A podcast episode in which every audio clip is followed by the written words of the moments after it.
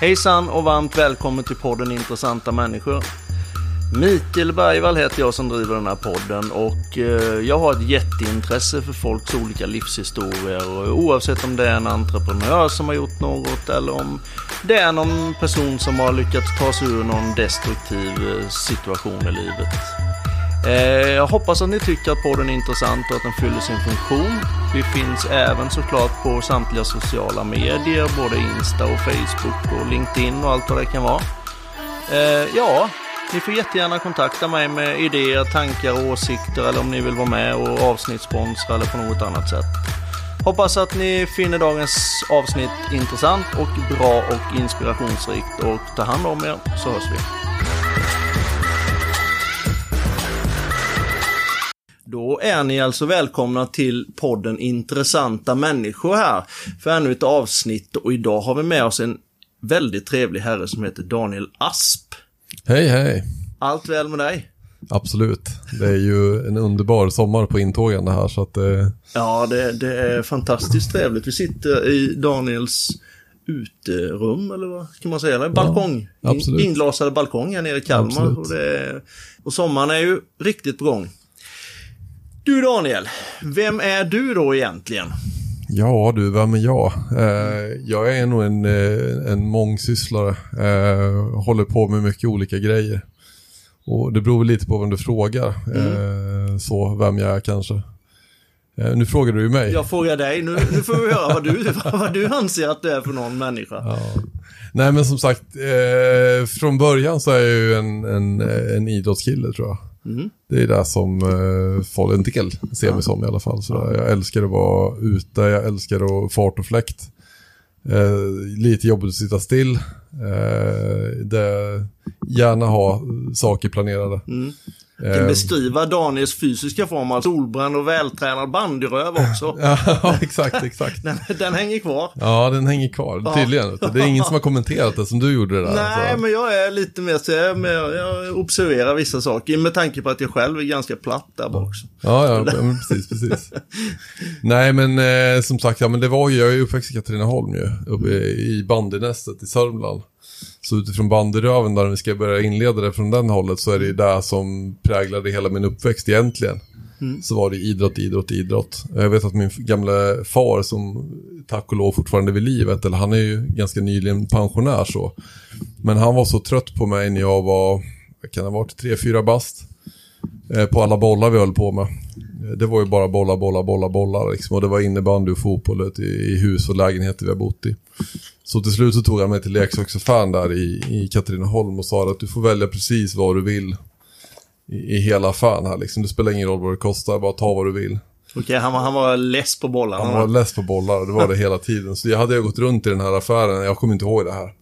Och, och eh, kollade på dyra grejer för flera tusen och han liksom började väl ångra sig vad han hade sagt sådär. För han är ju bara en arbetarlöd. Eh, till slut så fastnade jag för en vit plastboll med röda prickar som kostade 9 kronor. Och då han berättade för mig efteråt, då gav jag upp. Okej, då, då känner jag att det är lika bra att låta Daniel jobba vidare med idrotten. Ja, verkligen. Liksom så så då var det, ju, det var ju på den tiden, alltså jag är ju uppväxt på 80-90-talet och det var ju en tid där det inte fanns så jäkla mycket olika saker att välja på. Nej. Det kanske fanns, men det gjorde man nog inte. Utan i en sån liten håla som Katrineholm ändå var och är så, så var det så att alla killar i alla fall spelade ju fotboll och bandy. Ja, Punkt slut. Och det var ju på den tiden som även de som inte ville spela spelade. Ja. För annars var man utanför. Typ. Katrineholm var rätt framstående bandy då, va?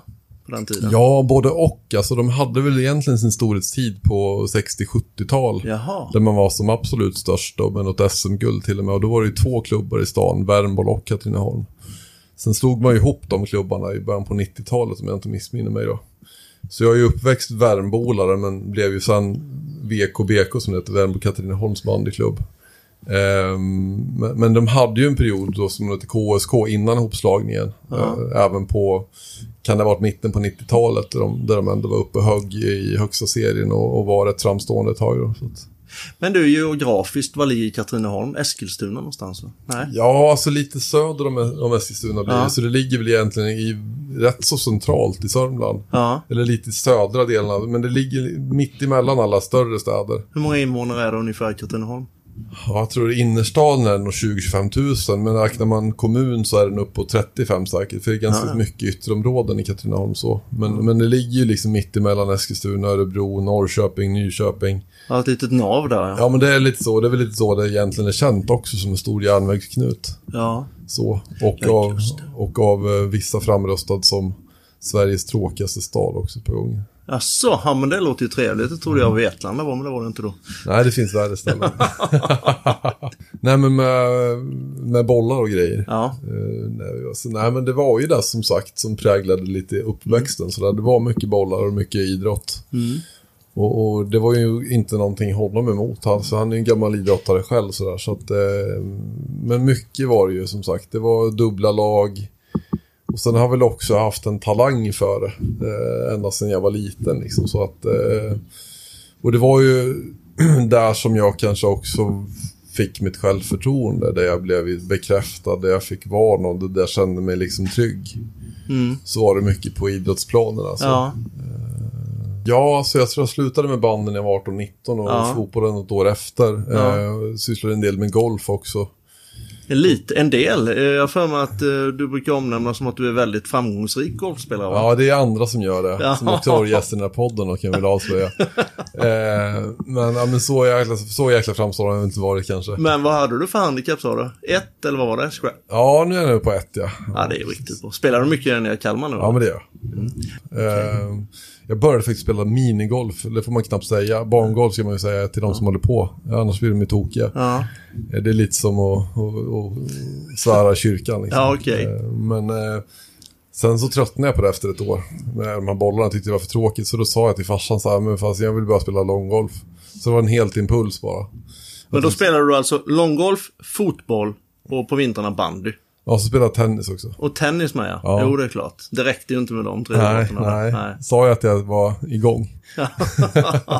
ja, men det är rätt. Men å andra sidan så är det ju ett bra eh, alternativ till att springa ut och göra massa bus och jävelskap. Nej men det är det faktiskt. Jag, jag, jag är en av de som absolut hyllar idrott. Ja. att, att det finns otroligt mycket gott i idrott och, och man kan fånga upp och få... Ja men även om det är klart, det, kan, det är ingen garanti för att saker och ting ska gå väl. Liksom, men det finns ju någon, någon form av sak ja, att, att göra, tidsfördriv, Ja. eh, gemenskap. Sen har ju idrotten mycket att lära sig, tänker jag också. För det är ju helt galet hur, hur man pratar om det här med maskulina kulturer och, och ja, machokulturen, hur den Ja. växer fram i idrottslag och sådär. Och det är ju varje dag får man, jag tror att det var någon artikel igår i någon kvällsblaska som handlade om det här med, det var väl någon hockeylag som pratade om det här med machokulturen, de pratar om pissbomber och Ja, precis. och alla ja, som det har hållit på vet ju vad det, vad det betyder. Liksom, Ja. så här. Och, och det är någonting som jag tänker också är totalt accepterat. Eller man tänker att det är som det är. Ja, ju, det- det ju mer man analyserar sånt alltså, så är det ju vidrigt egentligen. Det är ju helt klart. Ja, absolut. Och för alla som undrar vad en pissbomb är så handlar det alltså om man kniper igen. För de som har förhud så kniper man igen det framme och så pissar man tills det håller på att sprängas. Ja. Och sen släpper man det där på någon annan helst. Och det är väl fullt normalt hos, i, i manliga omklädningsrum. Ja. Ja, förhoppningsvis i duschen då var det väl. Ja, det, jo men det är klart. Det är klart, annars hade det varit väldigt vidrigt. Ja, Nej men någonting som jag kan instämma, eller jag instämmer i det du säger till 100% och sen, eh, sen även ledarskapsbiten inom framförallt i mindre klubbar och sånt där man inte får en gedigen utbildning hur man hanterar ungdomar, då kan det gå riktigt illa alltså. Ja, absolut. Ja, men det är jättefarligt att, att sätta fel personer med fel barn. Definitivt. Men hur, hur, du har ju eget barn, eller egna barn va? Ja, precis. Jag har, eh, jag har två döttrar. Ja, men hur har det gått någonting i arv eller hur? Jag har lite svårt att säga R, det är därför det blir arv. Jag får betona Ja. det lite. Vilket har gått i arv, tänkte du på? Nej, men jag tänkte om idrottstalangen har... har... Nej, det har gått åt skogen där. Det har det ja. Inget alls. Inget alls. Nähä. Nej, jag har försökt och försökt och försökt, men det är, Ja. det är liksom allt annat utom i bollsport. Men det är, det är helt okej alltså. Det kan jag säga med hjärtat sådär. Det är Mm. Ja. inte så att jag har väl haft mina perioder där jag tyckte det var lite tråkigt. Eftersom det är skönt att kunna dela ett intresse sådär, men jag har ju fått upp intressen för andra saker. Jag har en dotter som dansar och går på teater och musikal och sådär. Ja. Då får man haka på på de arenorna. Så att jag har mer stått i stall och suttit i danssalar och sånt där. ja. Men det är absolut inget fel i det. Det är ju jättebra att man hittar en hobby överhuvudtaget. Ja, Definitivt. Stall har jag också varit, fast det är främst senaste tiden, senaste åren jag varit i stall. Får mest Ja. mocka skit när jag väl är där. Så det... Ja, det är där man åker på. Men du, barndomen förutom då bandy och hockey, eller bandy och fotboll och golf och tennis så, så mm, hur gick skoltiden då? Alltså skoltiden har ju präglats av, vad ska man säga, alltså jag har väl glidit igenom det mesta av skoltiden på en räkmacka. Mm. Eh, även om det låter som att jag beskriver mig själv som ADHD utifrån hur aktiv jag är så är väl ingenting som har visats i skolan utan jag har väl haft det ganska bekvämt. Eh, har väl haft ett bra alltså inlärningsförmåga, lätt att snappa upp saker. Eh, men behöver liksom inte jobba någonting egentligen för det. Men man kan väl vända på det, hade jag lagt ner lite tid så hade jag väl haft ett helt annan utbildning och jobb kanske. Och karriär, sen är inte jag en person som håller på och ältar och ångrar saker utan det är som det ska liksom på något sätt. Men, eh, men det innebar väl att jag i stort sett alltid har fått höra på alla de här utvecklingssamtalen man hade. Att ja, alltså det går ju bra men om du skulle bara anstränga dig lite till så skulle det här kunna bli lite bättre. Ja, Och det är klart att jag tänker att, att alla som satt på de här sa och sa det sa det ju utav kärlek och att bara ville uppmuntra mig och sporra mig. Men det, jag, det inte folk såg tror jag eh, och som jag själv inte fattade var nog att det, bakom där så bodde det en ganska liten, eh, litet barn. ja, som var ganska osäkert och rädd och hade känslor av att inte passa in och duga till. Även om jag hade massa kompisar och var duktig på sport. Så det jag hela tiden fick känna det var nog att jag aldrig riktigt nådde hela vägen fram. Jag dög aldrig riktigt till, Nej. tror jag. Men fick du ingen bekräftelse tyckte du även att du var så framgångsrik inom idrotten? Jo, men det är klart att jag fick. Men jag tänker, räckte inte till, jag kanske? tänker att om inte jag får någon självkänsla så spelar inte bekräftelsen någon roll. Liksom. Det är som att hålla vatten på en gås. Ja, Och ju mer bekräftelse jag försöker få, ju, ju mer behöver jag ha den så. Så jag tänker att, eh, och det är ju klart att man inte fattar det här som liten. Det, Nej. det gör ju knappt vuxna. nej. Ehm, så, så det blev väl, eh, alltså skolan gick bra. Eh, Däremot så, så kände jag väl liksom att fan, Du kände inte prestationsbiten där att du ville liksom jobba på det som du gjorde med idrotten? Ja vad svår fråga. Så det är klart att jag, jag, försökte ju hela tiden att, att eh, framförallt att göra föräldrar sådär nöjda. Ja. Jag ville klart, klart komma hem med höga betyg och sådär. Men, men det var ju... ehm, så, jo, så pre- prestationsångest har jag absolut lidit Ja. av otroligt mycket. Eh, och jag har väl alltid varit en av dem som trott att jag har varit lat sådär. Det är ganska intressant när man pratar om det här att skjuta på saker. Ja, Eh, Eh, många känner ju igen sig i det här att, att eh, alltid göra läxan sista kvällen, alltid skjuta på tentan eller på provet i sista stund. Och jag trodde ju bara att det berodde på dumhet och lathet länge. Innan jag i, i vuxen ålder liksom insåg egentligen vad det stod för. Att eh, om jag skjuter allting till sista kvällen och sen inte provet blir tillräckligt bra så kan jag alltid rättfärdiga det i mitt eget huvud av att om jag hade inte tillräckligt med tid. Eh, ja. och, och skylla bort det där. Ja, Men hade jag lagt verkligen ner all min tid och kraft på det och ändå inte rätt fram, då hade det varit lite jobbigare, ja. tror jag. Jag, jag har en liten tanke där när vi sitter och pratar. Jag är alltid, eller alltid, men många gånger har jag fått höra utav en del kollegor att du jobbar alltid bäst under press. När det blir som jobbigast och när det blir som tuffast och gör, levererar du alltid som bäst. Har det något sammanhang med det här att göra? Ja, det kan det säkert ha. Ja. Eh, sen kan ju det kanske ha andra förklaringar också. Ja, Eh, vi har ju inte hunnit kommit in på det riktigt, men jag tänker lite grann som så här beroende person eller vad man ska prata om den biten. Ja, det här att man, man kanske söker eh, någon form av kick och rus och sådär. Så tänker jag väl att det finns mycket kopplingar där. att när saker och ting bara är i, i, ja, i stå, det händer liksom ingenting, så, så är det lätt att bli uttråkad och rastlös. Men när saker går i spinn så, så, så händer någonting i huvudet som gör att man får utlopp för någonting inom en. Det ja, här att ställa till rätta, lösa problem, bli kreativ, få hyperfokus. Eh, Och där kan jag absolut känna att jag, Ja. jag trivs jäkligt bra när det är kaos. Medan människor som är tvärtom mår skit när det är kaos. ja. Eh, Och blir handlingsförlamade, där blir jag handlingskraftig och, och, och och ja, men ganska driven. Ja, ja, där är vi ju väldigt lika måste jag säga, för det är precis likadant. Ja. Känner precis likadant. Men om vi fortsätter då med skolan. Du gick grundskolan i Katrineholm. Sen blev det gymnasiet också. Yes, Ja, Katrineholm med. absolut. Uh, Linden-gymnasiet.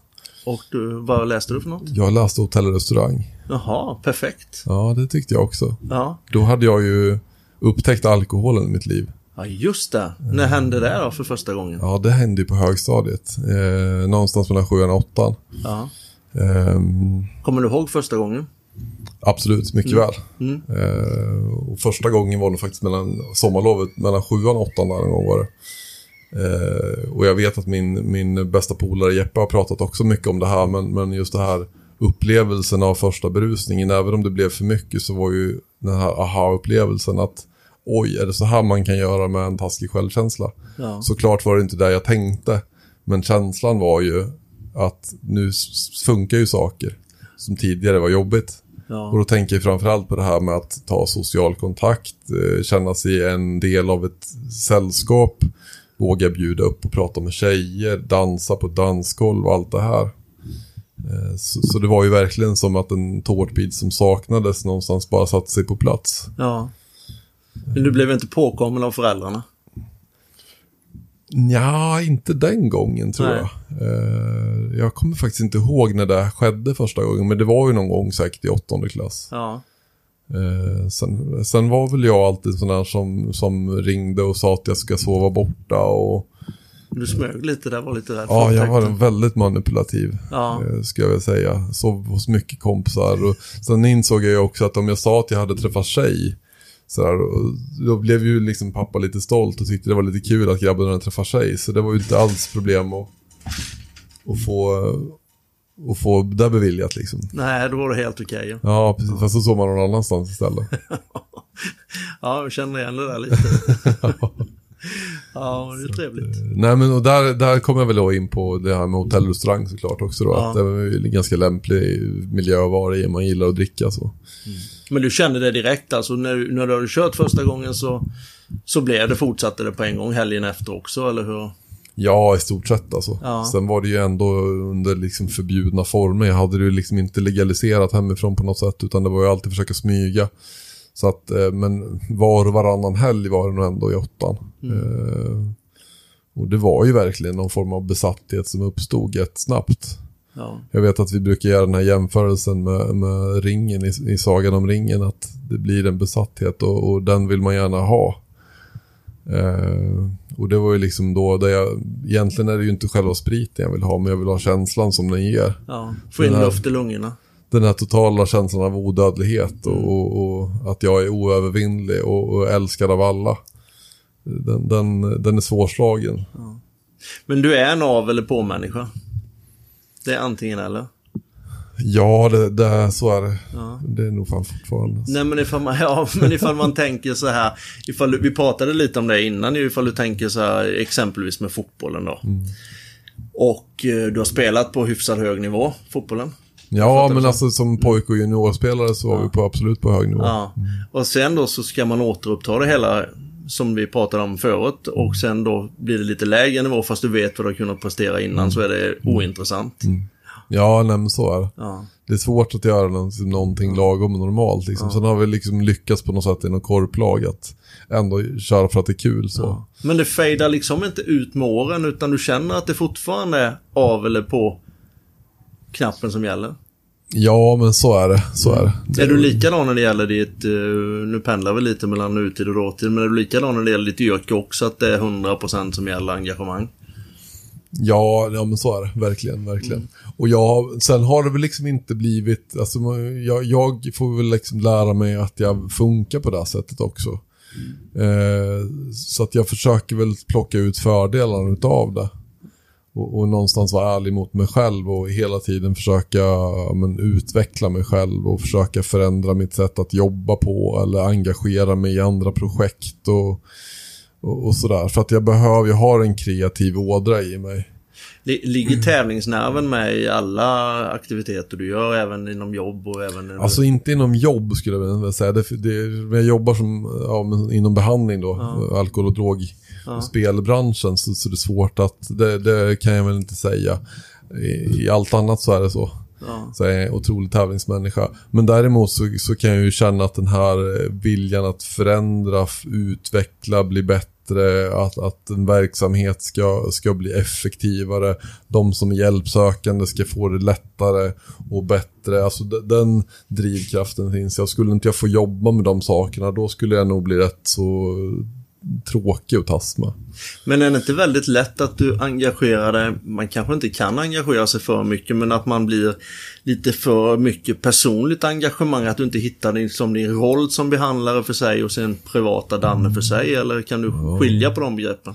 Nej men det, det, där känner jag nog inte själv att jag har haft några större, det var lite jobb när jag började inom behandling, för jag började på behandlingshem för ungdomar och när jag kom dit första gången 2006 var jag 24 år gammal så var det att möta en värld som jag bara hade läst om i skolböcker. Även om jag tyckte att jag hade mött det mesta och, av min egen livshistoria så var det liksom ingenting mot vad de här barnen och ungdomarna hade varit med om i sina uppväxter. Så det var jävligt tufft. Och, Var det LVU-hem du jobbade på? Ja, Ja. och det var ju fruktansvärt att, att, att liksom få till sig de här historierna. Så det var jobbigt att släppa. Samtidigt blev det här en period när min dotter kom då. Eh, och eh, därav blev jag ganska tvungen att släppa jobbet på jobbet. Eh, och, och vara hemma när jag är hemma så att säga. Och Men jag, det, det är alltså, du är 24 år gammal, det är inte lätt att kunna klippa de bitarna kan jag tänka mig. Alltså folks, andra människors livshistorier kan inte vara lätt att klippa av bara sådär. Men det, nej, nej, alltså, det låter väl liksom, ja, men kanske inte klippa av men ändå försöka att ja, men stänga av och på det lite grann. Sådär, Mm, att ja, men nu åker jag hem, nu måste jag vara hemma liksom så, för jag har en liten dotter att ta hand om så. Eh, och hjälpa till med.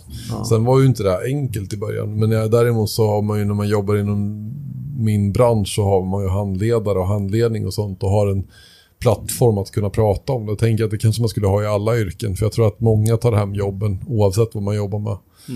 Så vet jag ju när man var liten och farsan jobbade i verkstad. Och det var ju ofta man fick höra en timme på vilka idioter det var vi träffade på där. Så de ja, har säkert också behov av någon form av, av Ja. anledning kanske. ja, man måste liksom låta det dräneras ur på något Ja. vänster liksom vad som har hänt. Men vi inom socialt arbete har någon form av så här press på så att därför man absolut inte tar med sig jobbet hem. Eh, men det finns ju andra förklaringar såklart. Där. Vi ska gå in lite mer på ditt jobb sen och vad du gör och hur man kan få liksom för de historierna och sånt ni får höra och vara med om hela tiden. Det är klart att ni behöver ju sin tur, som man sa innan, dränera bort det kanske lite genom att samtala med andra. Men du, du är i varje fall nu i den åldern där du går på, på hotell och restaurang i Katrineholm. Ja just det, där var vi. Yes. Jajamän, nu, nu blandar vi lite fram, blandar och ger lite men det får, får vi ta. Ja. Ja, du har gått, eller du går där nu då första året. Ja. Vem, vilken Danne är det som går där nu då? Ja, du. Det är ju en, en, eh, en kille som på utsidan är rätt populär tror jag ändå. Alltså inte populärast på något sätt, det har jag nog aldrig varit. Men ändå, jag har mycket kompisar, tjejer. Ja, det eh, brukar mätas i tjejer Ja, men alltså. det är lite så ju. Ja. Det är lite så. Det har liksom aldrig varit torftigt så, utan det har alltid funnits. Även om jag har inte varit den som har varit mest. Så, så, så har det liksom, ja men det har funkat. Så att utåt sett så, så är jag nog en kille som ändå anses eh, ja men har det rätt så okej. Liksom jag är duktig på sport, jag är okej i skolan, jag har kompisar, jag har tjejer, jag är med. Och jag var väl aldrig hemma i stort sett, det skulle jag vilja säga. Eh, Nej. Utan det var ju idrott eller så var det liksom på fest jag var. Var du lite utav den här, eh, inte kanske ja, gråtande clownen, du ville gärna få andra att må bra om man säger så också. Ja, verkligen, verkligen så. Mm. Jag har alltid varit en people pleaser så här, som har älskat när folk eh, mår bra. Eh, och det har säkert med uppväxten att göra. Eh, där har du den på armen. eh, ja, men det känner jag igen mig väldigt mycket i just det här att, att se till att folk är nöjda. Det har väl alltid varit min bekäntens uppdrag på något sätt. Var kommer den sidan ifrån? Jag tror att den kommer av att eh, obenägenheten och oviljan och oförmö- för, oförmågan att kunna vara där det finns obekväma känslor. Ja, okej. Eh, där det finns känslor av, av skuld och skam och ilska och rädsla och, och där det blir obehagligt. Eh, på något sätt vill, vill ju den personen undvika, tänker jag. Ja. Men alltså de känslorna där du pratar om där nu, de måste ju på något sätt ha paketerats redan ifrån barndoms, barndomen. Eller kommer det helt onaturligt till människan? Nej, det där, men så är det tänker jag. Eh, och det är väl också där man får lära sig, tänker jag som barn, att vissa känslor kanske inte är riktigt okej. Nej. Alltså för det, det finns ett känslomässigt klimat som är obefintligt kanske. Det är väldigt svårt att prata om saker utan man kanske bara ser ilska och glädje och allt däremellan paketeras bara om. Och det som jag tänker som man som barn lär sig där är ju att det där är obehagligt, det där måste vi förändra och fokusera på någonting annat. Så att det man lär sig då det är ju liksom att försöka undvika de situationerna och försöka att få folk att fokusera på någonting annat istället. Ja, men skjuta problemen lite under bordet så typ och sen så gå vidare. Det, det är nästan lite tvärvändning mot hur samhället ser ut idag när väldigt många pratar om det här med offerkoftan. Att eh, kolla mig, det är så här. Man var nästan lite tvärtom då för kanske 20 år sedan. I, i, det har förändrats väldigt mycket mentaliteten i hela landet måste jag säga. Tankarna. Ja. Men, eh, men första året och där på, du trivdes i varje fall bra på utbildningen och Ja, men det gjorde jag ju. Absolut, det var en jätterolig tid i livet. Liksom, så det var ju mycket som var väldigt skoj. Ehm, och idrotten började väl någonstans monteras ner lite där i, i mitt fall. Utifrån att alkoholen blev starkare och starkare. Uh, alltså det, och det är ju så att missbruk och beroende växer fram. Alltså jag börjar bygga relationen till min beroendepersonlighet lite starkare och starkare på bekostnad av andra saker. Och, och det var inte så att jag slutade då, men att det blev inte lika viktigt att vara bäst på fotbollen längre. Det blev viktigare att, att vara, bäst på supa. ja precis, och uppnå den upplevelsen som jag fick göra där, för den var ju någonstans eh, oslagbar. Ja.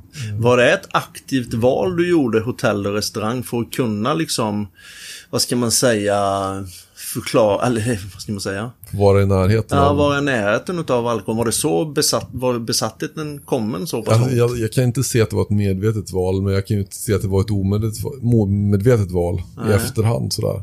Jag, jag gick ju dit med tanken om att det var kul med matlagning, men sen råkade jag välja inriktning, servering och bar. Ja. Och, alltså, och där var nog liksom såklart att det fanns en fascination till alkohol och en också säkert ett liv som jag såg upp till och kunde se mig själv i. Stå bakom baren och... Ja, precis. Och när arbetspasset var slut, stå på andra sidan av baren och fortsätta kvällen. Mm, mm. Jag visste faktiskt inte ens att man, att man hade olika inriktningar sen när man kom in där. Alltså servering och bar. Vad, vad lär, ja, man lär sig att göra drinkar och man lär sig att servera krogen. Ja, absolut, absolut. Bartender helt enkelt. Ja, men exakt. Och det är ju en ganska genuin utbildning sådär. Man lär Ja. sig liksom serveringskunskap helt enkelt. Så Ja. jag vet att jag var... Vi skulle få eh, servera då på den här Nobelmiddagen vid något tillfälle. Men, men jag var alldeles för livrädd så jag tackade nej till det. Okej. Jag- Det var utifrån prestationsångesten där. Tänkte jag att där kan man inte vara och göra bort sig. Du tänkte inte att du kunde ta ett par stänkar innan jag gick in och serverade det? Ja, det hade jag inte vågat. Nej, det hade ju inte. Det hade ju inte. Men själva karriären där då, hur fortlöpte den sen du hade gått ur gymnasiet nu då? då är, vad är det för årtal nu? Då är det... Ja, då är vi framme vid 20... Vad blir det? 2001. som och det var inga större liksom, konflikter som hade hänt under den här själva utbildningen? Alltså, det är klart att det fanns en hel del incidenter. Det hade Ja. ju börjat lobbats och jag vet vi hade en resa upp till Stockholm. Och då hade jag inte ens varit 18. Det var nog i andra klass där innan jag blev 18. Då skulle vi åka upp på Gastronordmässan. Eh, I Älvsjömässan. Där den heter väl Stockholmsmässan. Ja, just det. Eh, och det var ju en sådär fantastiskt stor matlagningsmässa. Ja. Eh, och i anslutning till den här gastronomin så ligger ju vin- och spritmässan. Eh, men det var ju separata entréer såklart. Men Ja. det var ju jag en likasinnad där i klassen som, som började spana hur fasen ska vi ta oss in där? För det var mycket mer Ja, intressant. men det hittar man alltid en lösning till. Ja, på något sätt så fick man ju köpa ett vinglas där eh, för 75 spänn. Det var liksom entréavgiften Ja, som man kunde prova då. Eh, och vi lyckades ju komma över två sådana glas. ja. Det Och sen när klart. vi kom till entrén så sa ja men har ni legitimation? Så, ja men det visade vi när vi köpte vinglasen så ni, ni ser att vi har det. Så, alltså och det har man ju på något sätt alltid kunnat prata över folk Ja, eh, på något konstigt sätt. Så att vi, vi kom ju in på vin och spritmässan. Det drog ju inte länge innan vi var totalt väck Nej. alltså, av allt provande. Jag vet att vi träffade Bengt Frithiofsson där, den gamla vin ja. eh, från TV4. och han ombad oss att ta att det kan vara bra att käka lite vitt bröd. Liksom. Så kan man tänka sig att vi till och med av, eller tillsagda av, av Bengt ja. att ta det lite lugnt. Då var det inte bra. Men lite såhär, jag mötte Lassie-varning på den. Ja, eller hur? Det var lite häftigt ju. Ja, Men eh, den kvällen slutade väl med i princip att vi somnade väl på någon lastkaj bakom den där Stockholmsmässan och, och bussen hade gått hem för länge sedan så vi missade ju allting då. Sen när vi väl vaknar till liv så tar vi en pendeltåg som vi plankar in på till Stockholm och sen gick ju en, en såpa då som hette Baren. ja just det. Så vi drog ju dit såklart och de sista pengarna vi hade köpte vi varsin stor stark för. Och tänkte att det här löser sig imorgon liksom. Ja, ja, men det är väl klart det gör. Men ni blir kvar där ett dygn till då? Ja, ja, för fan. Vi, vi tog en övernattning på McDonalds där tills de slängde ut oss vid fem. Sen fick vi nog vänta en halvtimme när de öppnade portarna till centralstationen rakt över gatan. Sen blev, tog vi en parkbänk där och vilade oss mot och somnade väl in där en stund. Sen vet vi att eh, vi hade en serveringslärare som bodde i Stockholm där som eh, ja, fick ju syn på oss där. Ja, Hon hade ju inte varit med på dagen innan där så hon hade ju ingen aning om det här som hade hänt och bara Vad i helvete gör ni här liksom? hon var inte så uppskattande. Nej, så då var den här vanliga liksom så här dagen efter skammen som kom. Oh shit, alltså nu. Ja, jag ber om ursäkt. Ja, så det var ju liksom inte helt eh, prickfritt kan man inte påstå i gymnasiet. Utan det hände ju en del incidenter. Och här var det väl inte helt otänkbart att vi hade kunnat bli avstängda. Nej. Men, men kontakter med SOS togs så vi fick gå på något sånt eh, informationssamtal hos Merkur hette det i Katrineholm då, där vi fick information om vad riskdrickande kunde leda till och så vidare. Men det var lärarna alltså som gick in och anmälde er? Eller Ja. en orosanmälan Ja, men det blev det ju. Ja. Absolut. För vi var ju mindreåriga och avvek liksom från allt. Ja, och föräldrar var ju lite oroliga och sådär. Såklart. Ja, det kan man ju nästan förstå. Ja. Nu har jag ju förutsatt hela tiden att det är en tvåårig utbildning, men det var treårig Tre, på det. ja. Treårig var det det. Ja. Det var bara när jag som är lite äldre, vi gick bara två år. ja, just det. Just det. Ja. Ja, men då har du ytterligare ett år kvar där sen efter den där, eller var det sista året du, när ni var uppe i Stockholm då? Nej, det var då, då hade vi nog ett år kvar efter det. Så, Ja. att, eh, nej, men det, så här såg det ut liksom. Även om det inte var riktigt sådana grova övertramp på skolan så, så var det ju fest liksom. Det Ja. var det som livet gick ut på. Och jag hade ju liksom monterat ner idrotten så pass mycket. Jag spelade pojkallsvenskan fram till jag var 16. Då var vi ändå på hygglig nivå, på riksnivå.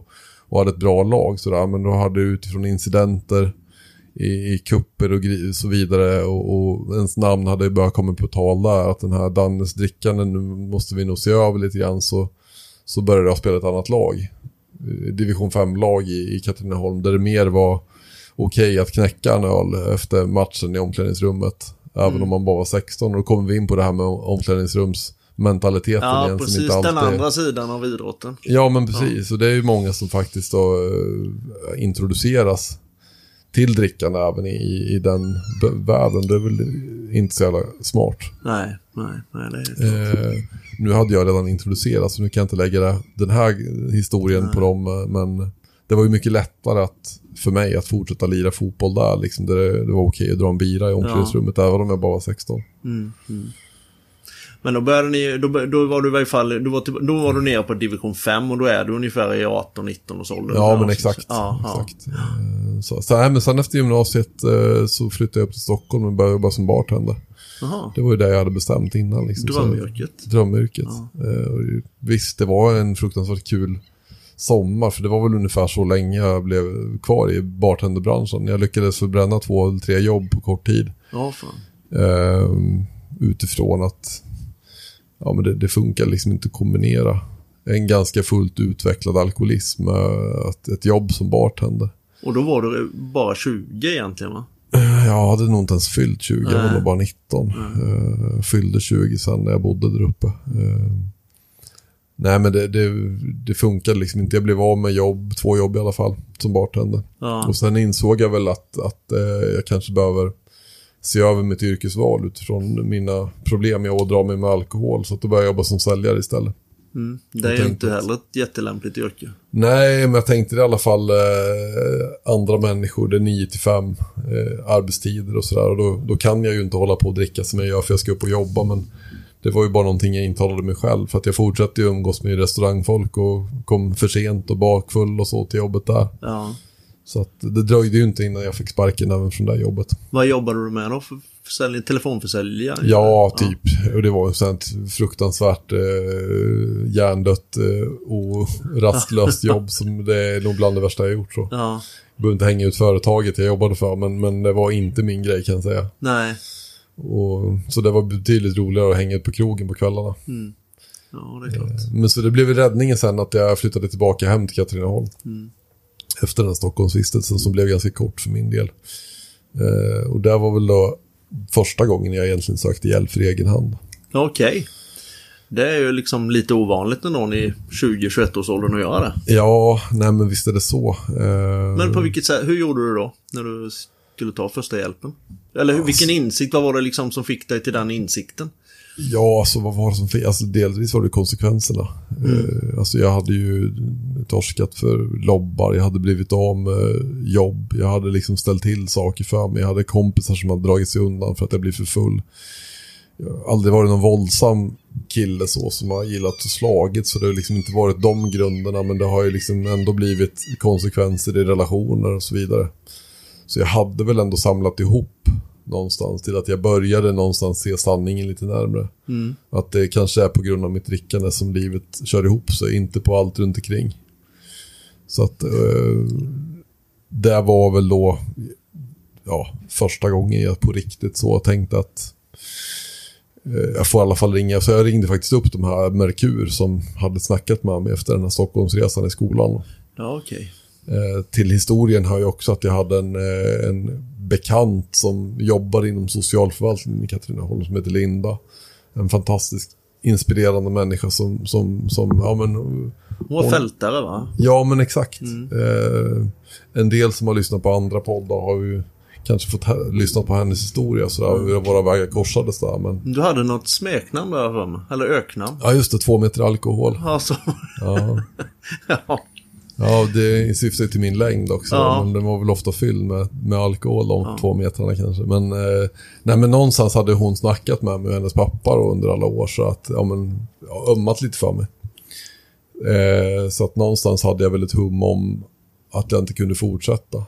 Till historien hör jag att jag har alkoholism i min släkt och så vidare också. Vilket jag också tror har en stor påverkan för hur, hur lätt man utvecklar sjukdomen. Eh, och därav så, så ledde det mig in på det här samtalet till Merkur. Då. Jag tror ju, jag, självklart så håller jag med om de bitarna och sen är det nog inte bara generna utan det är hela sättet att hantera att det är okej att dricka ifall man är trött eller man, ifall man har problem och sådana här grejer. Det är ju hela det sociala sammanhanget som, Ja. som liksom är helt okej. Absolut. Som det inte är inom normala kretsar vad man ska säga då. Nej, absolut. Jag tror att kombinationen just av att man har en, en fysisk hereditet, en sårbarhet till att, att jag kanske har ådragit mig av olika anledningar en, en låg självkänsla, en jag-svaghet, en rädsla att inte duga. Eh, som jag lär mig tidigt att fylla med alkohol. Den kombinationen gör ju att det eskalerade ganska snabbt. Så. Ja. Eh, men det här var väl första gången jag gjorde någonting för min egen skull. Och, och, Och då var du träffade- 20. 21. Ja, då var jag 20 precis. Ja, ja. Men Eh, du tog det inte, jag frågade aldrig det, men var anledningen till att du flyttade från Stockholm till Strängnäs, det var att du skulle ner till Strängnäs, söka Katrineholm. hjälp. Eller Katrineholm menar jag. Ner till Katrineholm, söka hjälp och liksom rätta till ditt liv. ja, ja, det var det. Det var tanken man Ja, tog. det var det. Då hade du varit något halvår, ett år uppe i Stockholm. Ja, däremellan. Ja. 9-10 månader bodde jag Ja. där. Eh, och det var liksom helt klart liksom en räddningsplanka att jag får åka tillbaka och börja om. Liksom. Eh, och de förklarade liksom hela sjukdomsförloppet för mig. Liksom, och jag kunde ju liksom känna igen mig då och erkänna att ja, men så här ser det ut. Sen rekommenderades ju att ja, men då behöver du nog gå en behandling eller du behöver börja gå på AA-möten och där tyckte jag ju att de gjorde ett övertramp. Så att, ja, men fan nu har ju ni förklarat för mig att jag har sjukdomen. Liksom, då har jag ju fattat det. Då, då är det bara att lägga ner liksom. Så jag hade ju bara fattat halva sjukdomen. Ja. Det var så, så pass insiktsfull jag kunde vara vid det här tillfället. Vilket gjorde att jag inledde ju nykterhet på Vita knogar Ja. ett par månader i Katrineholm under våren 20, 2002 är vi på då. Eh, och det kändes ju rätt kul i början som det oftast gör när man är liksom lite ja, nytänd.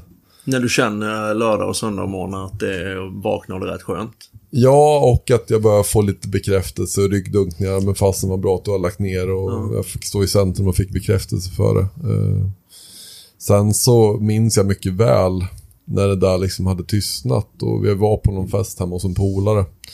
Och, och det enda jag kände var väl i stort sett så här utanförskap, tråkighet, vad fan är det för mening? Eh, och, Ja, det måste ju liksom vara svårare att bli nykter i 20-årsåldern än vad det är att bli nykter i 40-årsåldern, tänker jag. ja, absolut. Eh, För insikt har man ju fått, eller förhoppningsvis får man ju det lite med åren, att det finns folk som har bekymmer och att man, att man accepterar att någon säger nej och sånt. Men i 20-årsåldern är det, vad fan, det, alltså det är inte riktigt samma tänk. Nej, nej, och sen är det ju lite grann, de flesta är ju där i livet också, att det är liksom fest som gäller. Det är där man gör, så det finns inte så mycket andra alternativ, speciellt inte i den stan kanske. Eh, Så, så givetvis var det, var det liksom tufft, så det var väl egentligen en tidsfråga att, till att det började igen. Liksom. Jag vet att jag stod på den här festen sen och knäckte en, någon cider med, på 7,5 procent och, och liksom lovade mig själv att aldrig komma på tanken att bli nykter igen. Nej. För det var en sån befrielse att få, få knäppa den där första. Och du kommer ihåg den fortfarande? Ja, det gör. Ja. Absolut. Körde du på hela kvällen och natten där och sen? Sen var det liksom på fullt påslag liksom, Ja. till eh, ja, ett antal månader. Ja. Med, med, ja, det var med stora mängder alkohol. Drack du hel varje dag då, eller hur? Nej, det gjorde jag, men det var ju säkerligen tre, fyra gånger i veckan. Jag hade ett jobb då som farsan hade hjälpt in mig på på Scania. Ja. Eh, men det var ju, Bodde du själv då, eller bodde du hos dina föräldrar? ja, till en början när jag flyttade hem bodde jag hos mina föräldrar, men det var bara ett par veckor liksom, innan jag insåg att det inte funkade. Sen bodde jag i en egen lägenhet då. Eh, en sån riktig ungkarlsetta. Ja. Jag vet att jag och en polare släppade upp en sån gul parkbänk på någon efterfest som aldrig kom därifrån sen. Som vi fick typ smyga ut någon natt sen när jag skulle flytta därifrån. Ja. Eh, ja, så att, eh, men det var ju, visst det är roliga minnen också, men det var ju en rätt liksom misär. Alltså ändå semestern framför allt. Vi, det var ju mycket krök. Alltså. ja. Tragiskt. Ja. Ja. Så att, ja, på den vägen blev det. Och där i krokarna sen så träffade jag ju, vad heter det, ja, min ex-sambo. Jag tänkte bara på, om vi stannar kvar där lite, alltså i den åldern, 20-21 års åldern där då. När du tänker på, eller när vi pratar om det här med semester och ledighet och helg och sånt där. Alltså det är ju något som inträffar för, ja jag vet inte om det är en förutfattade mening för, för säkert 70-80% utav alla i den åldern som inte då kanske har full fokus på idrott eller på att studera eller någonting sånt här. Men vad är det som gör att du i det här fallet och vissa i det här fallet får sin botten eller når sin botten eller känner liksom att man får insikt om att man har problem och vissa nej, har överseende med. Är det liksom vilken ribba som är lagda från barndomen eller hur, vad är det för något som avgör? Mm, ja, det är jätteintressant och liksom, jag tror inte det finns, vi, vi kanske kan närma oss någon form av svar, diskutera fram det, men jag tror det, det är nog svårt att hitta en, en exakt förklaring till det. Men jag har tänkt på det väldigt mycket själv såklart, alltså hur kommer det sig att jag ändå kom till någon form av insikt? Men vad hade de för förhållande till alkoholen, dina föräldrar och hemifrån? Ja men det var ju mycket, alltså det var ju drickande. Det var mycket drickande. Ja. Ja absolut. Det var Och då är det alltså- väl nästan ännu konstigare att du liksom satte parametrarna så tidigt och så lågt. Ja, men jag tänkte, det finns väl två olika sidor av det. Alltså jag är uppväxt med det liksom att, att det, var, det var alltid liksom, när det var fredag och när det var lördag så var det alltid kopplat till att man skulle belöna sig, någonting hade gått bra så skulle det firas, när någonting var tråkigt så kunde man dränka sorgerna, när man skulle koppla av så, alltså det fanns ju alltid, och vid alla högtider så var det alltid en del av, av festen, så det var ju som fullständigt inpräntat så, rent socialt. Men på den tiden var det ju liksom det som gäller. Nu är det ju normaliserat i sociala medier främst på fredag när man lägger ut bild på vinglaset och öl. Alltså det normaliseras ju hela tiden Mm. Absolut, just absolut. och accepteras på, höjer ac- acceptansnivån Ja. för, för allting så. Ja. Nej, och sen, sen så... Men jag tänker också till motsatsen till det så tänker jag också det jag har i alla fall haft... Det som har varit positivt är att jag alltid får tag i mina konsekvenser själv. Alltså vi brukar ibland prata om det här med medberoende. Ja, Och hur man kan lätt fastna i ett medberoende genom att möjliggöra att den som dricker, dricker. Att sopa mattan, eh, att betala räkningar, att se till att det inte blir jobbiga konsekvenser. så. Där känner jag väl att min omgivning hela tiden agerat eh, liksom rätt på mig. Jag har aldrig fått liksom någon som har sopat mattan för mig, utan jag har alltid fått ta hand om min egen skit. ja. Eh, Om det nu är någon vuxen som, eller det är klart det är, men ifall, du känner, ifall det är någon i, i 40-50-årsåldern nu som har någon ungdom i, eller yngre tonåren eller i runt 19-20 år. Hur ska man som förälder liksom hantera sitt barn i de här situationerna? Ska man hjälpa dem eller så ska man bara säga nej, du kommer tillbaka till mig när du vill göra någonting åt ditt liv? Alltså det är svårt att säga eh, som, som till föräldrar som har barn, speciellt när de är minderåriga, så kanske Ja. det inte går på samma vis. Liksom. Men jag tänker väl att det är kanske sista steget, att, att man, man kan ha i alltså, sista esset i rockärmen. Att Ja. Nu får du välja liksom. Eh, antingen så är dörren där eller så gör du någonting åt ditt problem. Men det man kan göra långt innan, det är ju liksom det här att ändå ta upp det, prata om det, göra det obekvämt. Tala sanning, eh, alltså belysa det Störa. störa. Ja. Alltså, vad, vad är nagel i ögat liksom? Eh, Det, det, och det gäller kanske inte bara mamma och pappa utan det gäller lärare, det gäller eh, vänner, det gäller, för jag hade ju vänner också. Det kanske, eh, ofta är det ju så om man är i 16, 17, 18, 19 så lyssnar man ju betydligt mer på polarna än på Ja. sina föräldrar. Så jag tänker, där finns ju också ett kompisansvar. Att har man en kompis som alltid är den som blir fullast, alltid tänder Ja. på gränser eller gör andra saker. Så kanske man inte alltid bara ska skratta med och tycka att det är skitkul. Utan alltså våga ta det här samtalet med att fan hörru du, jag funderar på ditt drickande liksom. Det börjar gå till överstyr liksom. Mm. Jag hade polare som, som sa ifrån liksom, att ja, men vi, vi kan inte ta med dig på festen längre. Nej. Eh, De hade ju bara kunnat spela med och skrattat med. Men de eh, liksom markerade för dig att det inte är okej det här. Ja, absolut. Och det, alla de här upplevelserna tror jag ledde fram till att jag var redo att ta beslutet när jag var 21 sen. Ja. Eh, Det var ju liksom inte så att jag har någon form av bättre utvecklad hjärna som, som hade kommit till någon insikt. Nej, men du fick gränserna satta för dig utav kamraterna och det är, Ja. det är ju faktiskt jävligt bra gjort. Ja. Jag tror det är väldigt ovanligt. Ja, det, det tror jag också. Jag tror snarare tvärtom, att de som sätter gränserna där, det jag tror det är snarare tvärtom att det är de som hamnar utanför gruppen. Mm.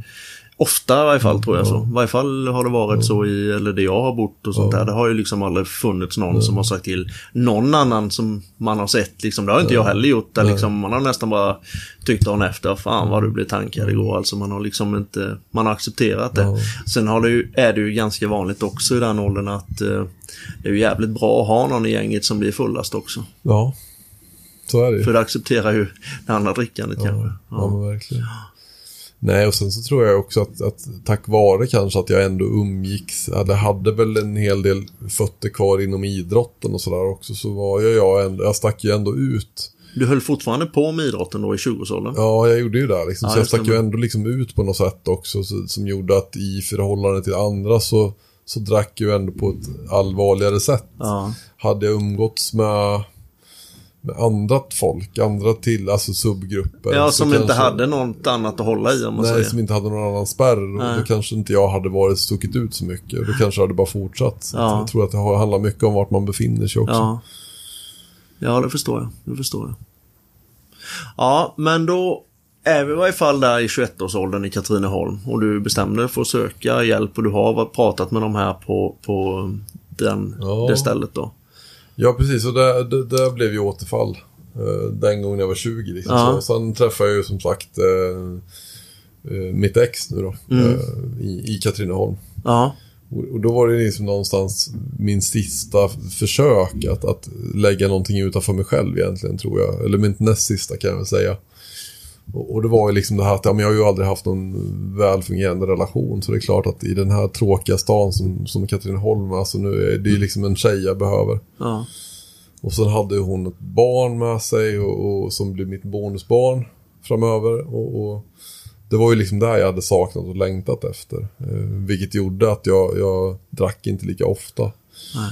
Men när jag väl drack så, så hände ju samma saker som det tidigare hade hänt så. Eh, men så där året rullade väl på ändå. Vi, vi flyttade så, så småningom ihop och eh, mitt drickande var väl kanske inte jätteallvarligt under tiden mer än att, att jag blev skitfull ibland.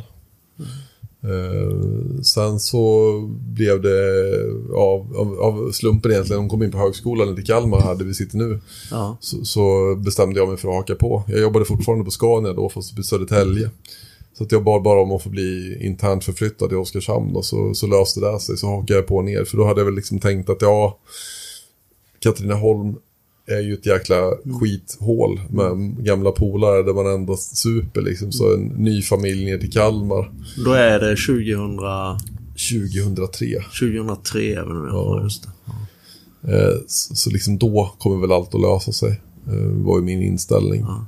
Så vi mitt, mitt i sommaren flyttade vi ner hit till Kalmar och, och det var ju en fantastisk kul tid liksom. Nyförälskad och, och kommer ner hit och en förälskad mig fort i stan som är helt underbar tycker jag fortfarande. Ja. Trivs fantastiskt i, i Kalmar. Nu ska det inte bli någon lång reklamfilm åt Johan Persson och, Kalmar stad. Men, men, men eh, jag tror att det tog ett par veckor så var jag uppe på en fotbollsmatch i, jag är djurgårdare och åker en del på fotboll och glor. Mm. Sen Det är var det, perfekt att jag är bajare då när sitter här. ja, ja, vi får ta det där sen i nästa avsnitt. Vi gör göra det. vilket som är stans bästa lag. Så att eh, då var det en 20-årsfest i Katrineholm också och i samband med den här fotbollsmatchen och, när jag var uppe där så, så eh, torskade för grovt rattfylleri, körde på 2,1 i promille och torskade körkortet. Eh, och, och där var Men du tog någon- bilen upp ifrån Kalmar, eller från Kalmar upp till Stockholm? Ja, till Katrineholm Ja, då. till Katrineholm då ja. ja. Sen tog vi tåg från Katrineholm och då satte jag igång och började kröka och sen var det ju fotbollsmatch och sen när jag kom tillbaka till Katrineholm efter fotbollsmatchen så tog jag bilen ut till den här festen, det var ju lite utanför stan då. Eh, och då togs jag inte, men jag togs däremot sen på kvällen när vi åkte in. Nej, det togs jag nog inte heller, för jag tog bilen igen från festen in till Katrineholm, sen var jag på krogen där till det stängde. Sen skulle jag även hem, eh, vilket jag knappt minns, eller det gör jag inte. Hur fan vet- kommer det sig att du tog bilen just då? Då måste du ha kört flera gånger innan förmodligen. Ja, ja, oh, ja. Ja. Många säger ju att det var första gången de torskar och jag Ja. har väl svårt att tro folk att man har så stor Ja. otur eller Ja. säga. Eh, nej, alltså för min del hade det väl... Däremot så hade jag nog inte kört med de mängderna i kroppen tidigare. Eh, däremot hade jag väl liksom tullat på det eh, ibland. Mm. Så. Men, men inte så jäkla påverkad som jag var där. Det hade jag nog inte gjort tidigare. Ja, 2,1 promille, då är man ju lite laddad. Men då har du supit i flera dagar då, eller? Ja, eh, nej det hade jag nog inte gjort. Nej, utan det var liksom ja, en bra fylla helt enkelt. Ja, ja. Och vad hände då? Hur kände du då? Alltså, blev du, fick du sitta på, över natten, eller hur? Alltså jag vaknade ju dagen efter i, på en sån här gul madrass. Så jag kände igen rummet. Jag har ju suttit där några gånger tidigare. Ja. Och jag trodde att det var en lobb så jag knackade på dörren på morgonkvisten där och bad om att bli utsläppt. Och sen så fick jag mina grejer och sen sa jag till att ja, ni, jag har glömt att körkortet här. Och då informerade de mig om vad som hade hänt och jag hade ingen aning om det. Nej. Och så, så där var väl någonstans kanske lite spiken i kistan. Ja. Det blev inte min sista fylla. Men det var nog den konsekvensen som ändå ledde fram till eh, det som hände senare under den hösten då. Vad fick du för påföljd? Jag fick ett och ett halvt år eh, av med körkortet då. Och Ja. sen fick jag en månads fängelse. Inget alkolås eller någonting sådant? Nej, jag fick väl erbjuda dem där, men jag hade liksom varken så ekonomi eller lust Nej. eller tid liksom att installera ett sånt. Jag tror det skulle kosta 35 000. Ja. Nej, så det var... Det var Men då liksom- fick du sitta i en månad i varje fall? Ja, det fick jag göra senare sen då. Det drog, Mm. drog det tag innan det blev rättegång och så då. Men... ehm, så, så där var väl liksom det stora Ja. konsekvensen. Så sen vet jag att det var nog mera fylle på hösten där jag, vi, vi tog nog, råkade väl ta något guld där, kanske du kommer ihåg. Åren. Eh, andra året på rad där var vi i, i Halmstad och, och bärgade det där guldet. Då hamnade jag på sjukan liksom, med ojämna hjärtslag och skyhöga promillehalter och så. Mm. Så att eh, det var väl liksom de två sakerna i... i och sen Kombination. andra grejer, liksom, jag blev full hemma, du vet. Och sen var mina svärföräldrar över, jag började prata bebisspråk liksom. Och min, min sambo var ju vansinnig, liksom, fan att du ska bete dig liksom, till, till och med när morsan är här. Alltså det var ju så jag blev full, liksom. Ja. Aldrig att jag blev våldsam, men alltså det blev bara alltid för mycket. Antingen somnade jag eller så betedde man sig som ett barn, liksom. Mm.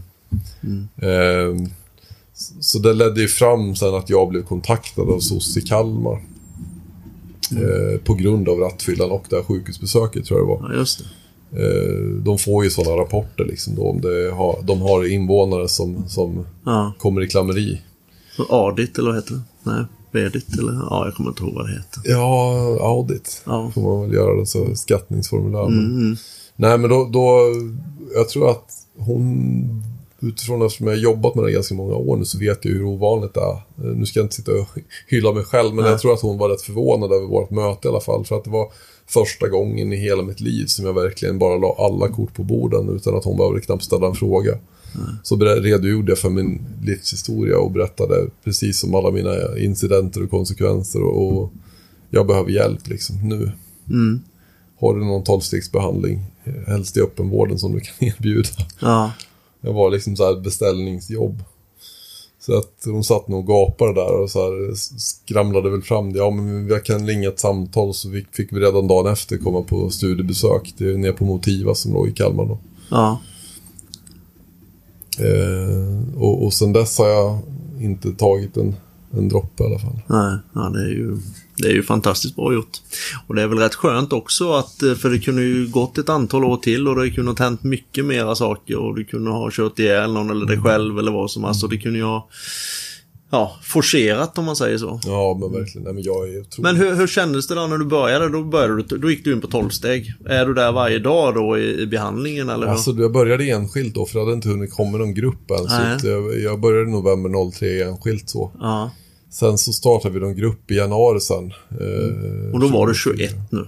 Ja, det var 21. Ja, Ehm, så att, sen började vi, startade vi någon ungdomsgrupp på det här Motiva då, på januari 04.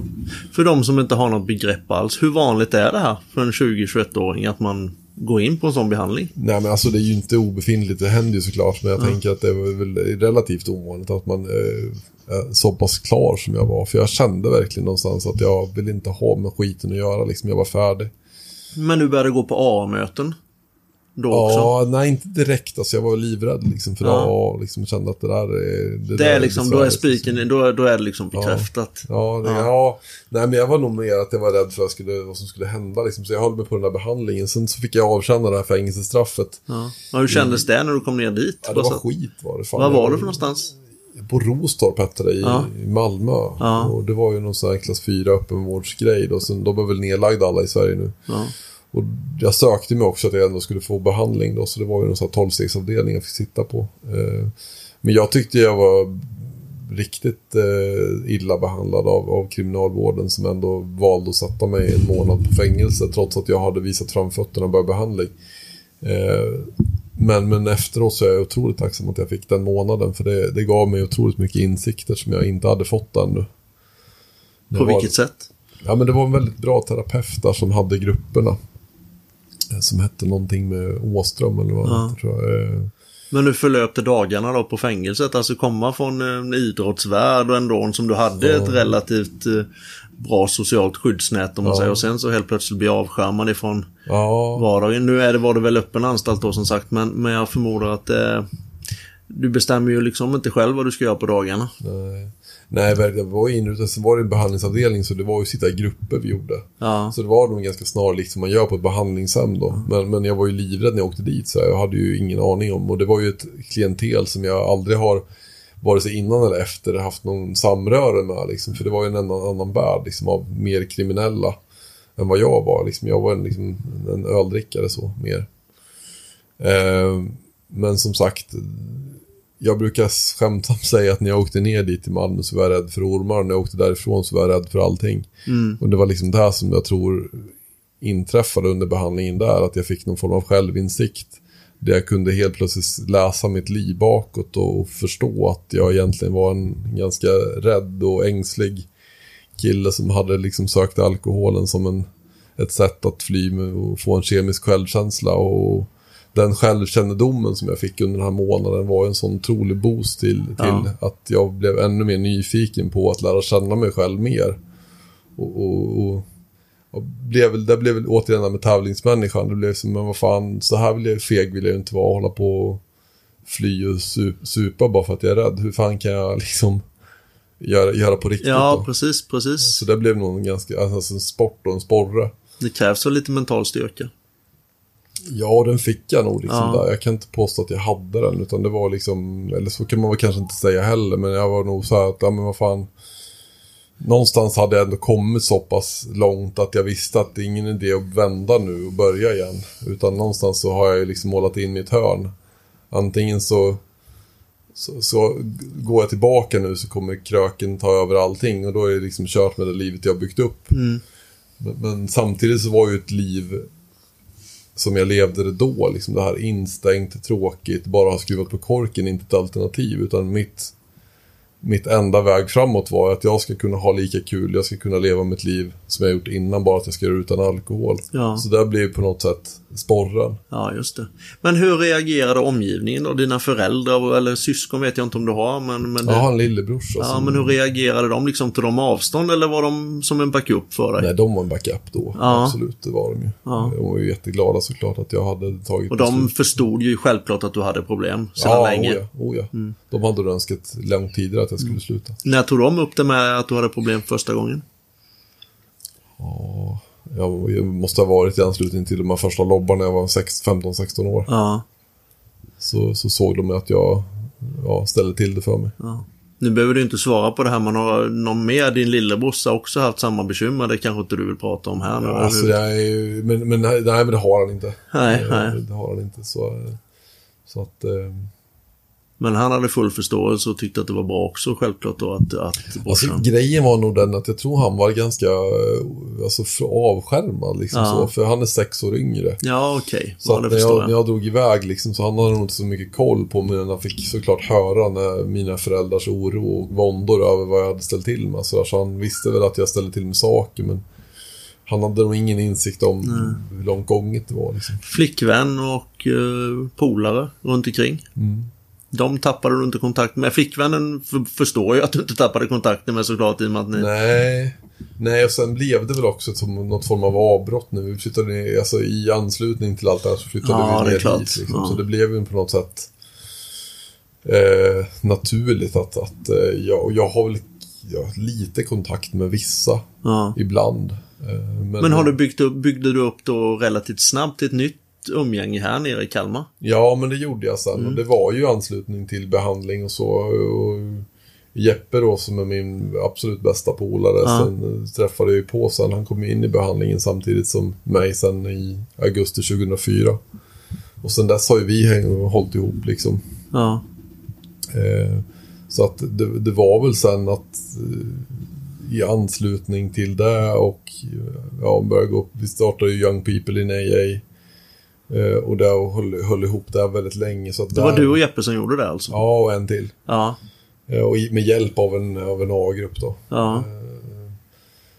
Så att, och det var ju, var ju en jäkligt häftig tid. Liksom. Dels fick jag lära känna mig själv på ett helt annat sätt. Och, och sen började jag också bara träffa människor som var på något sätt likasinnade och som jag kände igen mig i. Och, och få börja liksom komma ut och hjälpa andra. Så att jag byggde väl upp ett helt nytt eh, liv och nätverk här Ja. i samband med det. Liksom. Men då hade du byggt upp det här nätverket och det var ju sådana som du säger Mm. inom samma kretsar och de här bitarna. Men det brukar ju också innebära att det blir en hel del återfall i, i samma kretsar också. Mm. Hur hanterar man det då med sina nya vänner? Är man där och stöttar, hjälper och försöker få upp personen på hästen eller, eller vad gör man? Låter man dem falla? ja, men det gjorde vi ju såklart. Eh, Det var ju väldigt många som har kommit och gått. Ja. I den åldern är ju de, flesta tror ju inte jag går en spikrak väg som Nej. jag har haft nåden och fått gjort. Liksom. Så, så många känner igen också. Jeppe återföll efter fem år. Mm. Eh, och ett återfall liksom. Och det blev, tog ju lite knäcken på mig också. Ja, men det förstår jag jag tänkte att vi var helt förskonade från sånt. Vi, vi var ju på väg framåt i livet och när det här hände så, så hade jag ju på något sätt också eh, jag börjat prioritera ner kanske nykterhetsvalen om man säger. Det här att jobba med sig själv och gå på möten och sånt där. Jag hade liksom börjat nedprioritera det lite grann också eh, i samband med att Jeppe gjorde det. Så när han tog sitt återfall så var det väl liksom en, en ja, tankeställare för dig. Tankeställare för ja, mig också. Så ja. jag har ju tackat honom för att han tog det. Annars hade det kanske varit jag ja. som gjorde det. Men det höll på att gå riktigt illa för honom. Ja, det höll på att skitas i rejält för honom. Så jag ja. åkte upp och hämtade honom på, på väg hem därifrån det återfallet. Och sen har jag ju eh, haft nåden och fått vara nykter sedan ja, dess. Ja, men det är väl skönt. Men det måste betyda rätt mycket att man har en, en vän som man kan ha som bollplank och, och kanske kontakta också. Nu vet jag inte jag hur ni hanterar det, men man kanske kan kontakta för man känner att vissa saker är jobbiga såklart. Men, Absolut. Men när brukar de här tankarna, du är ju professionell terapeut nu inom just det här området, men när brukar liksom de tankarna, vi pratade om det här med vita knogar och sånt innan, men när brukar tankarna efter en påstartad nykterhet, när brukar de liksom börja downa, när brukar man börja liksom släppa på tyglarna lite mm. och tro att man är safe? Alltså det är ju också en sån här fråga. Alltså, jag tänker ofta, det där har ju också med vad man gör åt sin nykterhet lite ja. När jag är bara en person som bestämmer mig för att jag ska vara nykter och ha en vit period. Skruva på korken så, så är det inte säkert att, att det kommer lätta. Nej. Utan det kan snarare gå åt andra hållet, att det kommer skapa ett stort, stort tryck inombords. Tills det enda sättet för mig att bli, bli kvitt det här nu att jag super till det. Mm. Eh, däremot tänker jag om man nu söker hjälp, tar behandling, alltså har någon att prata med. Så, så, så ska det ju gå åt andra hållet, ja. där jag jobbar med mig själv och bakomliggande faktorer. För att mm. vi brukar ju prata om det här att ett, alkoholen är inte ett problem för utan en lösning. Eh, alltså att jag löser mina andra problem genom att dricka. Ja. Och när jag börjar först ta itu med de problemen så kommer jag ju uppleva att alkoholen inte behöver vara en lösning för mig längre. Eh, och det tror jag kanske tar åtminstone något år innan, innan det släpper fullt ut sådär. Sen är det inte säkert att det gör det, men jag har ju även slutat med snus och cigaretter så här mm. åren efter jag slutade med alkohol. Det är ganska likt det. Alltså att jag ska igenom den här första semestern, sitta på de här ute... Nu får man inte röka på längre. Men, men för min del var det alltid en sån här akilleshäl. Jag har slutat och börjat många gånger med cigaretter och tyckte det var svinjobbet när jag gick på semester och sen uteservering eller man var ute och badat i en brassestol, hällt upp kaffe. Det var vissa så här ritualer. Ja, ja, precis. Och, men när jag hade gått igenom det första året, jag alltså klarade första semestern, jag klarade första utlandsresan. Då började jag också bygga upp en tillit till att ja, men fan det här går ju liksom. Mm, mm. Eh, så man måste nog igenom vissa saker. Ja. Eh, tror jag. Ja, men det förstår jag. Där det är en riktig resa du har gjort, det är helt klart. Men var är du nu då? Nu är du... Ja, nu är jag snart 40 år. Ja, du är snart 40 år. ja, exakt. Men du har varit med om väldigt mycket. Ja. Behöver man hela tiden bli påmind om sin historia för att hantera framtiden? Alltså, det är väl en svår... Alltså, jag tänker att... Känner du att din historia i Katrineholm fortfarande existerar när du väl besöker Katrineholm? Eller känner du att liksom att den tiden för de, dina gamla, eller dina polare du hade då, de har ju också vuxit upp. Mm. Men känner du att liksom att två meter alkohol är försvunnen därifrån? Nej, det är han inte. Det, det, tror jag, det tror jag är en viktig del att bibehålla. Liksom. Inte att jag känner mig som två meter alkohol. Liksom. Jag har vuxit bort från identiteten av den personen. Ja, det är det jag menar. Det. Så, så, den är ju inte kvar, men liksom ändå minnet av den jag var tror jag är viktigt att hålla sig nära den personen ja. också. Känner du att det greppar tag i dig när du kommer till, tillbaka dit? Eller liksom att alltså du får inte... den här ångesten på något sätt? Eller? Nej, inte nu, men i början så fick jag nog det. Ja. Eh, då tyckte jag det var avskyvärt att åka dit och ja. känna, men nu tycker jag det är rätt, nu är det så länge sedan jag slutade liksom så. Ja. Men, men jag tänker att ändå, någonstans så tror jag ändå det är viktigt att och, och, och, ha det ganska nära sig. Alltså att ha alltså lite påminnelse om att, för det spelar liksom ingen roll hur länge jag har varit nykter så så, så är jag lika mycket alkoholist som den som fortfarande ja, sitter på precis, en parkbänk. Precis, liksom. precis. Men den terapibiten som du jobbar med nu, går du fortfarande på möten och du går fortfarande och håller kontakt med tolvsteg? Alltså jag går inte själv direkt så mycket på möten just nu. Nej. Alltså jag kan försöka när jag är i andra städer, men i och med att jag jobbar här så, så går Så jag får inte du på möten. Nej. Alltså får får jag, men jag känner att det blir lite integritetsövertramp. Liksom, sådär, För jag känner att, att A får vara liksom dit de går som jag kanske träffar då. Mm. Ja. Men känner du att du får någon form av terapeutisk hjälp med hjälp utav det jobbet du har nu? Ja, men det, det får jag. Ja. Och sen har vi ju alltså handledning och jag träffar ju andra som också är nyktra Ja. alkoholister i alla fall. Även om inte jag är på möten så har jag ju, som jag näm- nämnde Jeppe exempelvis, liksom, vi har ju också träffar, samtal. Så liksom på något sätt så har jag en pågående terapi där. Eh, Men öppenheten som är mellan er måste ju vara betydligt större än vad öppenheten är mellan två vanliga, eh, inom situationstecken två vanliga polare. Ni har ju mer grepp om varandras historia och liv än vad en vanlig kompisrelation har. Ja, men, ja, men det, det, så är det väl liksom så. Eh, För är du inte transparent så kanske inte det hjälper till i behandlingen på ett korrekt Nej, sätt menar jag. Det är så jag tänker. Jo men så är det, sen känner vi varandra och, så pass väl liksom.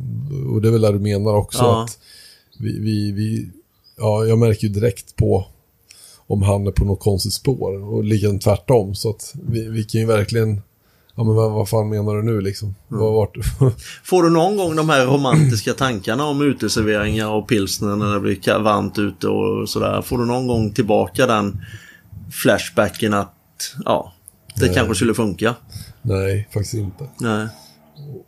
Och det liksom kommer per automatik liksom. Ja. Sen får jag romantiska tankar på uteserveringar och det är ju mer kopplat till eh, en härlig, trevlig social um, um, alltså samvaro. Ja, precis. Ja, det det inte, och inte under ingen- pandemin. Nej, exakt, exakt. Men nu har de ju börjat öppna upp lite Ja. grann. Jag tycker det är fantastiskt kul att sitta nere och, och göra det gärna liksom. Och dricka någon alkoholfri drink eller en kaffe och sådär. Och, det var ju liksom det som också var målsättningen redan från starten. Att, att livet ska återerövras liksom. Det ska inte vara alkoholen som bestämmer mitt Nej. liv, utan det ska vara jag.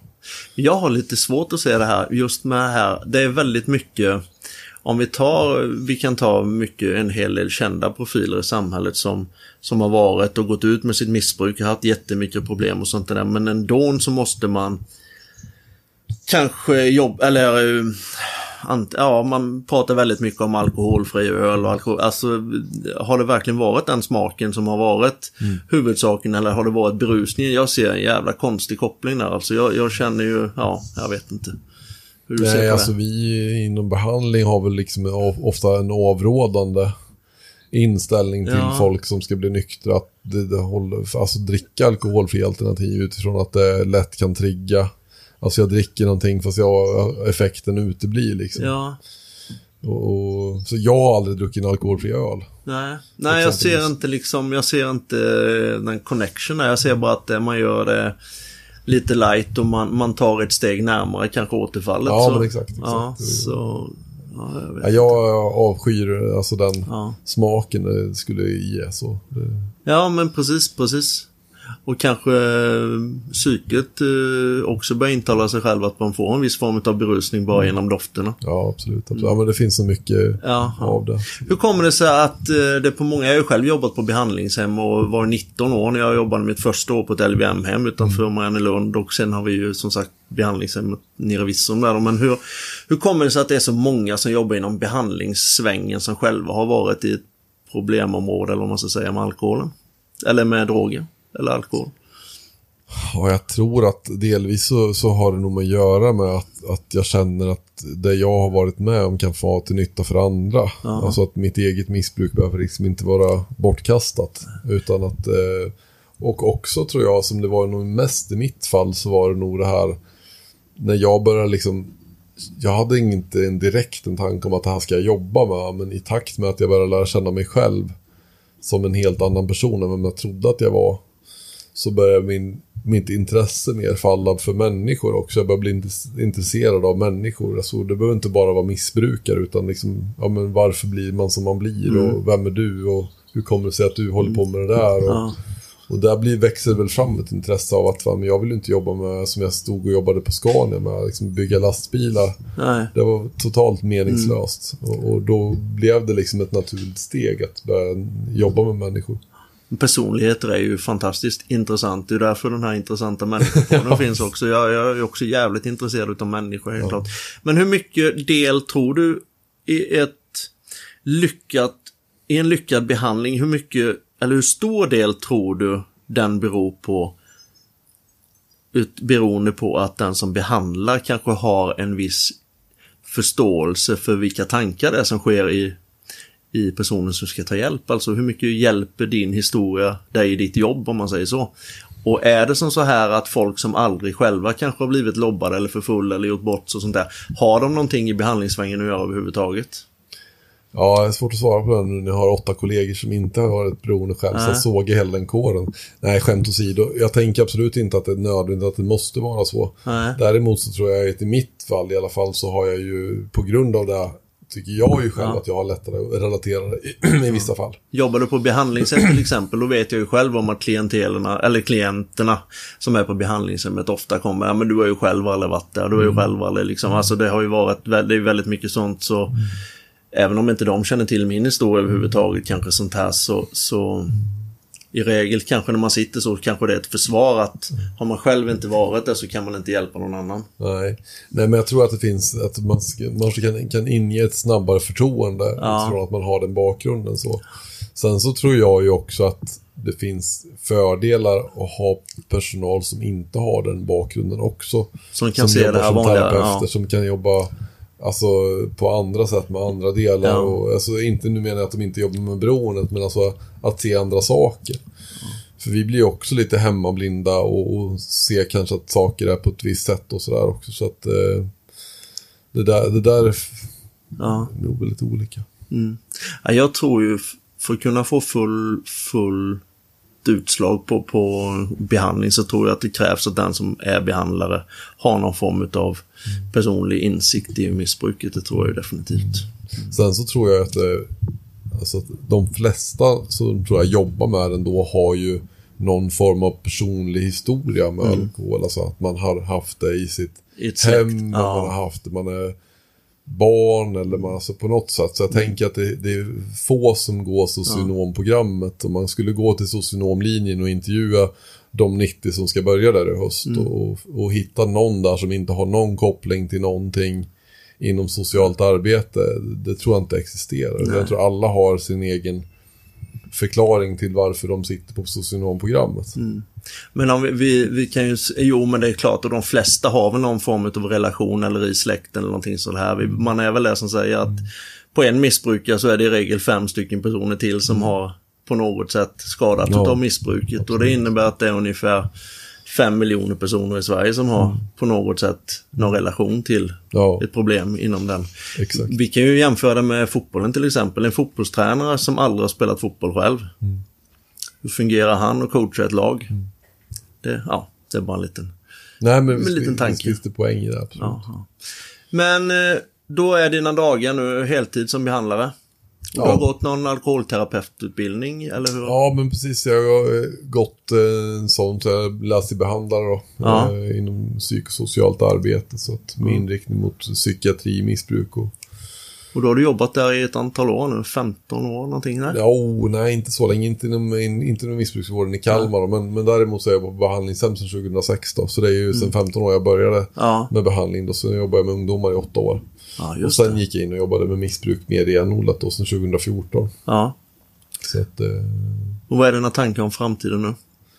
Ja, vad är mina tankar? Jag har ju alltid hundra järn på ja. liksom så. Så att... Eh...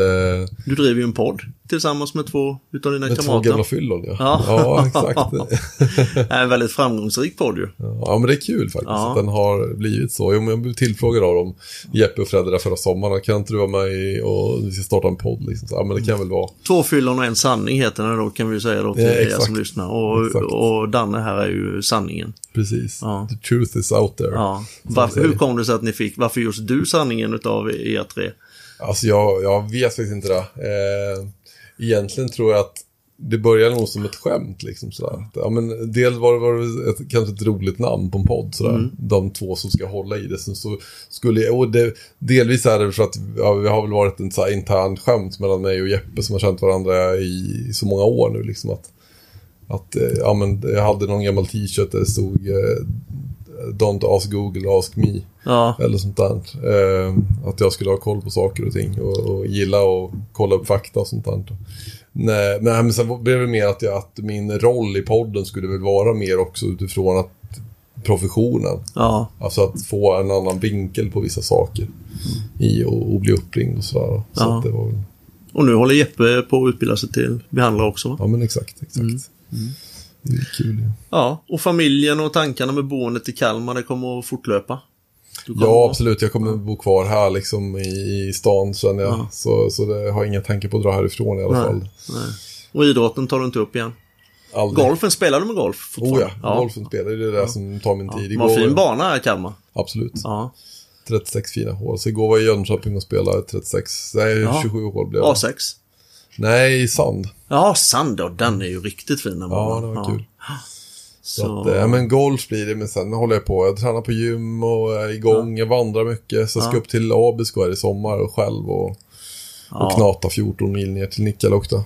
härligt. Nikkaluokta är riktigt trevligt faktiskt där. Ja, Sylan har jag vandrat en gång i tiden. ja okej. Mm. Ja, Och i somras så var vi och vandrade i Grövelsjön. ja, härligt. Det är trevligt. Det är bra för hälsan, den mentala hälsan framför allt. Det är riktigt bra. Ja, jag ska göra den resan själv också den här gången och gå eh, själv då, däremellan. Och Ja. Jag har liksom länge velat lagt ner pengar på att åka på retreat Ja, och sådär. Och det händer någonting tror jag med själv här att gå i tysthet och ensamhet och få vara med sig själv bara och, och lägga bort telefoner och allting. Och, Det var min önskepresent när jag fyllde 50 år och eh, få åka på ett sånt, över en weekend, där man är tyst i fyra dagar. ja. Men jag fick ett fiskekort i Grumlan, eller i Grövelsjön istället. Ja, Så- okej. Men det var ju, det var trevligt också, jättetrevligt, Ja, absolut. du kanske kan sätta din båt där och vara tyst i fyra dagar istället. Nej, jag trivs att vara tyst i bilen. När jag åker bil så brukar jag alltid ha tvärtyst, Ja, faktiskt. Jättetack för att du ville vara med i podden. Är det något vi har missat? Det är det säkert, men då får vi väl återuppta den. Ja, det får vi definitivt göra. Du får vara och göra lite instick som sanningen i intressanta människor också. Ja, precis. Du får höra av dig. Ja, absolut, absolut. Stort tack Danne. Tack så du ha. Ha det gott. Ha det gott.